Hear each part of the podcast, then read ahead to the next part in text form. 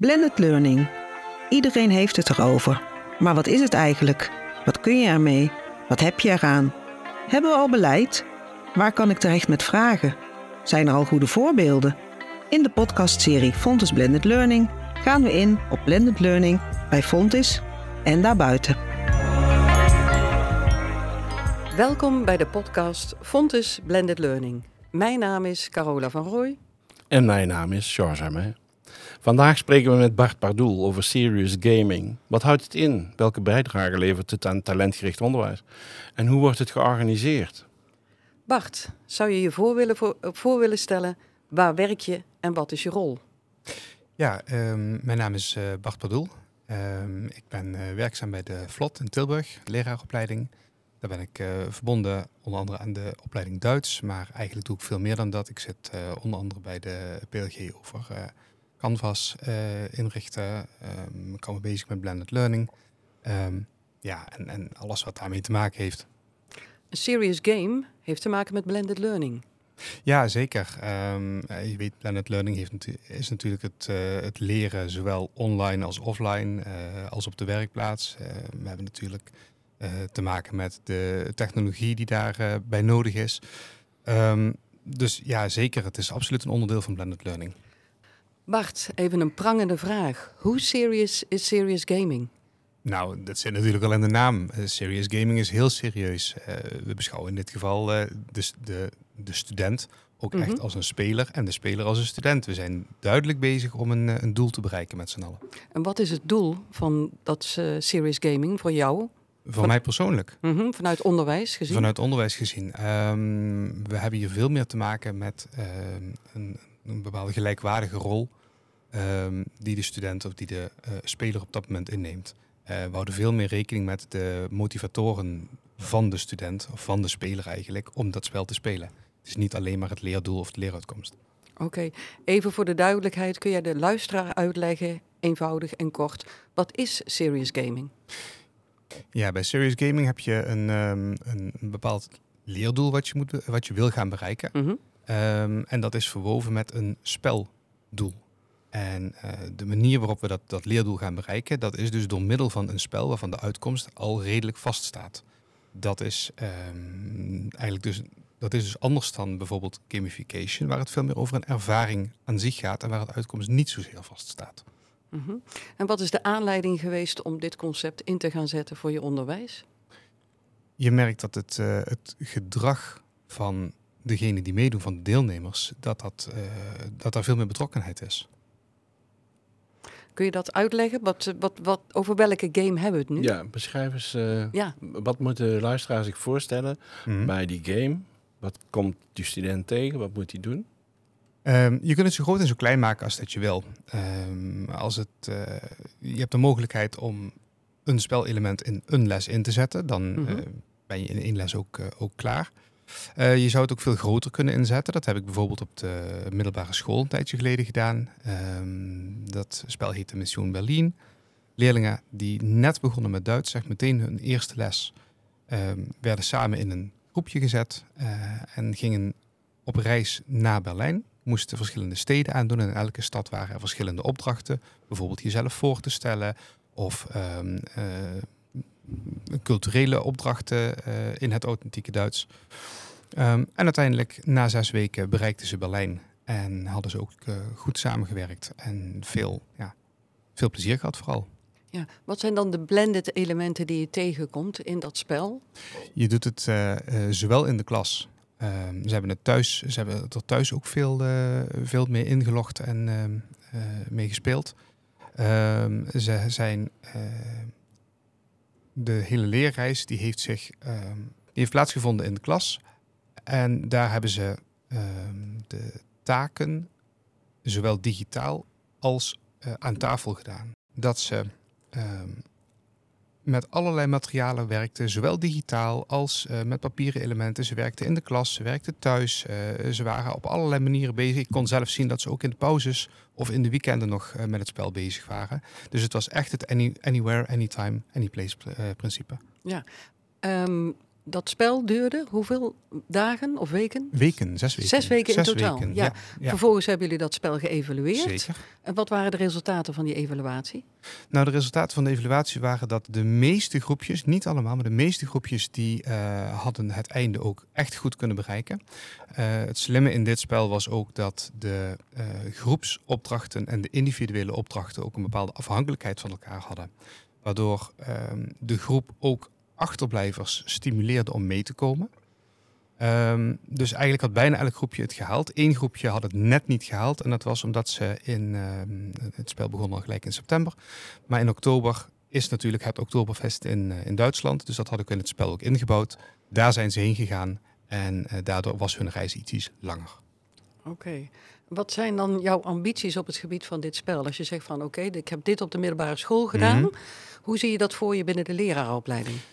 Nou, de principes die zijn natuurlijk eh, overdraagbaar. Ehm, het idee om een, eh, een les of een lessencyclus of een, een module of een college, om dat aan te vliegen vanuit een speltheorie, waarbij we dus ehm, voor de studenten of voor de leerlingen of deelnemers, wat dan ook, ehm, dat, daar stellen we in, op de voorgrond eigenlijk om dat spel te spelen. En impliciet in ons ontwerp zit dan alles wat wij belangrijk vinden in ons leerontwerp. Wat vinden jullie belangrijk in jullie leerontwerp? Uiteindelijk dat de leeruitkomsten gehaald worden, dat de leeruitkomsten aangetoond worden, eh, dat bepaalde doelstellingen gehaald worden. Ehm, ja, dat, dat kan van alles zijn. We kunnen gamification en serious gaming in allerlei situaties toepassen. Ja, en als je dan kijkt naar een blended context, wat zijn dan mogelijkheden die je voor je ziet in de blended omgeving die tot onze beschikking is? Nou, we zouden eh, Canvas daarvoor eh, kunnen inzetten. Ehm, dan zullen we wel een aantal, eh, aantal ja, extra plugins moeten gebruiken om wat meer interactie te, te krijgen. Ehm, er zijn natuurlijk ook allerlei andere tools, andere software die we kunnen inzetten. Ehm, wat ik, dat hebben we nog niet gedaan, maar het zou kunnen. Classcraft is een, eh, een, hele, een heel grappige software die we zouden kunnen gebruiken in, ja, in welke les eigenlijk dan ook. Dat maakt niet zo heel veel uit. Nou, heb je een collega en die hoort daarvan en die denkt, ja, toch, Eh, gewoon lesgeven. Ja. Ehm, heb jij een goed argument om die collega nieuwsgierig te maken? Eh, om niet nieuwsgierig te maken, ja, dat sowieso. Kijk, ieder mens houdt van spelen. Zo zijn wij, zo zijn wij geboren, zo, zo hebben wij onze kindtijd eh, beleefd. Ehm, als wij om dat spelen, als wij daar een hek omheen zetten, als wij daar regels om maken, omheen zetten, dan wordt dat een spel. En dat spel dat heeft een einde, dat heeft een begin, dat heeft een, een manier om te spelen. Dat is een vrijwillige keuze om aan dat spel mee te doen.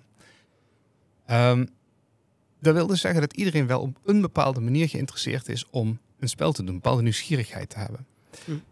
De vraag is natuurlijk, wat drijft jou? Wat drijft jou om een spel te spelen? Want als ik, in, als ik in een grote groep ga vragen, wat voor soort spellen speel je? Dan komt er een ongelooflijke variëteit aan mogelijkheden.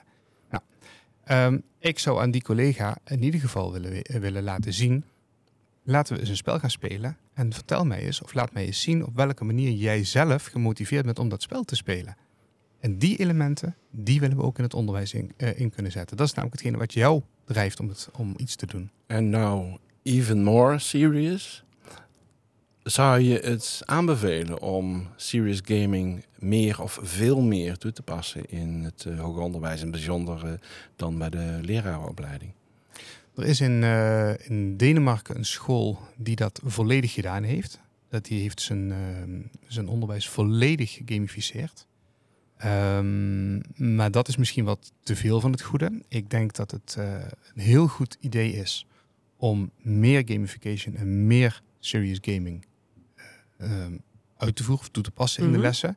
Met name ook omdat het gewoon een, een fijne, ja, het is een andere, een andere manier van denken, een andere manier over onderwijs. Eh, je, je denkt op een andere manier na over onderwijs. Ehm, je bent samen een ervaring aan het uitvoeren. Dus ja, ik zou dat zeker nog doen. Het is wat meer, ehm, wat meer speels. En ja, dat is natuurlijk wel hetgene wat, waar wij mensen ook wel op, op, op ja, lekker op gaan. En de studenten, ehm, nu en in de toekomst? Hoe bedoel je? Nou, ehm, ik stel mij voor dat als studenten er eh, niks aan vinden of denken van doe eens gewoon. dat je dan niet de motivatie krijgt die je zou willen. Maar ik heb de indruk dat ze juist gemotiveerd raken. Mm, Ja, meestal wel. Het ligt natuurlijk ook wel een klein beetje aan wat ze gaan doen en hoe duidelijk dat het eh, voor ze is. Ik ben zelf iemand die het heel leuk vindt om, om een situatie op te zetten waarbij de informatie langzaam vrijkomt. Ehm, dus die, die trigger van nieuwsgierigheid en het, het unlocken, om het zo maar te zeggen, van nieuwe informatie, dat vind Mhm. ik leuk. Dus dat, mijn spellen hebben meer dat kenmerk. Ehm, ik kan me voorstellen dat voor bepaalde studenten het wel fijn is om van tevoren al te weten wat je moet doen. Maar ja, van de andere kant, ehm, als je een spel doet, is dat ook niet altijd het geval. Is het eh, puur individueel? Of moeten ze ook met elkaar samenwerken om bijvoorbeeld tot een oplossing te komen? Ja, je kunt het doen hoe dat je het wil, maar in principe een spel speel je samen. Dus dat sociale karakter, dat sociale element, dat zit er eigenlijk altijd wel in. Dat zou een gemiste kans zijn als je daar, als je daar niks mee doet. En op welke manier kan het een bijdrage leveren aan talentgericht onderwijs, ontwikkeling? Je kunt veel meer een. Eh, je hebt sowieso veel meer. Je kunt sowieso veel meer eigenaarschap hebben over wat je doet. Hè? De, de ehm, keuzes die je maakt binnen de context van zo'n spel. De keuzes die je maakt, dat zijn de keuzes die jij op dat moment met die informatie voor jou eh, relevant zijn. En ehm, dat heeft natuurlijk best wel wat raakvlakken met het talentgerichte onderwijs, waarbij je ook die verhoogde mate van autonomie hebt. Ja, een ander element, eh, een van de andere zuilen of pijlers, is dat de student eigenaar is van zijn Mhm. eigen leertraject. Ja. Is het een idee om een student te betrekken bij de ontwikkeling van een serious game? Ehm, ja, dat, ik moet eerlijk zeggen dat ik daar nog niet over nagedacht heb. Maar dat zou inderdaad wel een hele goede kunnen zijn. Ehm, juist ook op de lerarenopleiding. Omdat zij natuurlijk zelf ook hun eigen lessen op die manier zullen gaan, eh, kunnen gaan uitvoeren. Dit is een wondermoment. Ja. Waar we het eerder over hadden. Heel ja, goed, ja, zeker. Ja. Ouderejaars inschakelen Mhm. om met jongerejaars het spel te spelen. Is dat een vorm? Ja, nou dat sowieso. Ik, ik vind sowieso dat wij veel meer gebruik mogen maken, ook even buiten de context van serious gamen. We mogen sowieso veel meer gebruik maken van de verschillende soorten eh, studenten die we hebben. Ehm, er is zo ontzettend veel talent en er wordt zo ontzettend veel eh, ervaringen opgedaan, ook in het werkveld, dat, dat, ja, dat het gewoon jammer zou zijn om dat niet met elkaar te delen. Jullie werken ook in leergemeenschappen als docenten. Dat zou je natuurlijk ook over jaren heen met studenten kunnen doen. En over vakken heen, ja, absoluut. Absoluut, ja, ja. absoluut.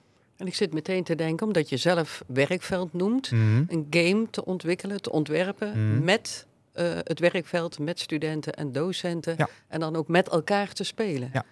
Heb je daar al een beeld bij? Nou, nou dat zo Nou, één, keer in de zoveel tijd eh, geef ik zelf workshops over gamification, waarbij we uiteindelijk zelf ook eh, lessen, gegamificeerde lessen eh, maken. Dat is de uitkomst daarvan. Mhm. Ehm, dus dat is in ieder geval iets wat we sowieso met eh, studenten en docenten hier samen kunnen gaan doen. Werkveld had je het net over. Ja, eh, dat kan zeker. Al moet je natuurlijk wel goed bedenken dat een spelontwerp heeft wel bepaalde stappen natuurlijk om dat, te, eh, om dat goed te doen. Je kunt simpelweg niet iedereen, ehm, eh, hoe zeg je dat? Je kunt niet iedereen ehm, tevreden stellen daarin. Het is een heel goed idee om met het werkveld ook samen te werken. Maar, ik- nou ja, ik denk dat je het goed kunt afbakenen. Oh, Ja, wie neemt welke verantwoordelijkheid daarin? En afhankelijk van Ja. het doel van de game ga je bepaalde partijen wel of niet betrekken en in een bepaalde mate wel of niet betrekken. Ja, dat, dat sowieso. En, en je moet ook goed weten waarom dat je bepaalde keuzes maakt. Dus ehm, eh, wat zijn die motivatoren voor de deelnemers, dus voor de studenten, voor de leerlingen? Wat zijn de motivatoren om dat spel te spelen? En dat betekent, dat dicteert in feite het karakter van het spel. Nou heb je een collega, ik denk altijd aan collega's, want ik ben zelf vaak ondersteuner. Ehm, die raakt enigszins nieuwsgierig. Wat zou je voor advies hebben? Hoe kan die kennis nemen van wat zou je aanraden om te doen of te onderzoeken? Ehm, ik zou in ieder geval eens graag met deze collega samen een kopje koffie willen drinken. En daar eens gezellig over te hebben. Wat wil hij bereiken? Wat wil hij gaan doen? Ehm, en hem, dan op hem of haar dan op weg kunnen helpen met de eerste stappen. Ehm, in dit geval, eh, nou ja, we, we hebben wat leuke, ehm, we kunnen wat leuke dingen, eh, ik kan wat leuke dingen aanbieden om te lezen. Ehm, ik kan eh, met hem of haar samen die stappen doorlopen en te kijken van nou, hoe zouden we inderdaad een bepaalde les of een bepaalde lessencyclus of een onderdeel kunnen gamificeren. En telkens inderdaad ook de waarom-vraag. Waarom doen we het op deze manier? Wat willen we daarmee bereiken? Ehm, en wat is dan de gelijkwaardige rol van de deelnemer, zowel als student als als speler? Zijn, zijn er ook online bronnen, eh, bepaalde platforms, eh, ehm, eh, ja, organisaties die zich ermee bezighouden? Van je zou kunnen zeggen, ga daar eens kijken. Dat vind ik een lastige, omdat er natuurlijk over gamification heel veel te vinden is en over serious gaming nog veel meer. Ehm, waarbij het, de context wel heel belangrijk is. Als, als ik ga kijken, gamification bijvoorbeeld komt eigenlijk uit de, uit de marketinghoek ehm, van oorsprong. Tenminste, het is vanuit de marketinghoek heel bekend geworden om gedrag aan te passen. En voordat het het labeltje gamification had, hadden we natuurlijk ook al allerlei loyaliteitsprogramma's die ook dat gedrag gingen aanpassen. Dus er is heel veel over te vinden, maar hoe relevant het is, dat is natuurlijk een, een, tweede, ehm, een tweede punt. Toch maar dat kopje koffie dan. Dat Ja, lijkt me een heel dacht goed ik idee. ook. Ja, ja, ja, sowieso een heel goed idee. Weet wel wat je over je afroept, maar we zijn daar nieuwsgierig naar. Dat sowieso. Nog een eh, laatste vraag eigenlijk voor jou. Ehm, dit alles gezegd hebbende, wat is voor jou de onderwijskundige uitdaging? Ehm, ik denk vaak heel erg groot. Mhm. En je kunt het ook gewoon ontzettend klein inzetten. En ehm, de uitdaging daarin is om dat gewoon te doen. Gewoon ehm, ga die ervaring aan. Wees ook niet te bang om, om daarin te falen. Leer daarmee samen met de studenten of met je collega's. Ehm, en ga zelf die ervaring aan. We hebben altijd een laatste vraag. En dit is, Oei. Bart, wat zou je de luisteraar nog willen meegeven? Ja, dan heb ik eigenlijk mijn eigen gras eh, zo'n beetje voor mijn voeten weg. dacht ik ook net. ja. Nee, gewoon proberen, joh. Eh, het is het- sowieso het is hartstikke leuk om, eh, om, om met gamification en met serious gaming bezig te zijn. Eh, het is een hele speelse manier van onderwijs. Ehm, ja, gewoon doen. Gewoon doen, daar sluiten we het mee af. Dankjewel Bart Pardoel. Wil jij als luisteraar op de hoogte blijven van de ontwikkelingen, good practices van blended learning bij Fontes en bij andere onderwijsinstellingen? Abonneer je dan op deze podcastserie. Oh ja, ik had nog, eh, nog twee, nou, drie leestips eigenlijk. Eh, als je zou willen beginnen met eh, serious gaming, dan zijn er twee hele interessante boeken. Eh Game Didactiek en Game Didactiek 2 over het hoe en waarom van spellen in de les en over het gamificeren van zelfgemaakte formatieve computerspelletjes. Beide geschreven door Martijn Ehm, en dan hebben we nog een eh, iets ouder boek, maar een heel mooi, ja, heel, heel, fijn, heel fijn instapmodel. Eh, gamification in de klas van Sam van Geffen. Die drie zou ik je toch nog even willen aanraden om te bekijken als je geïnteresseerd bent in gamification en serious gaming.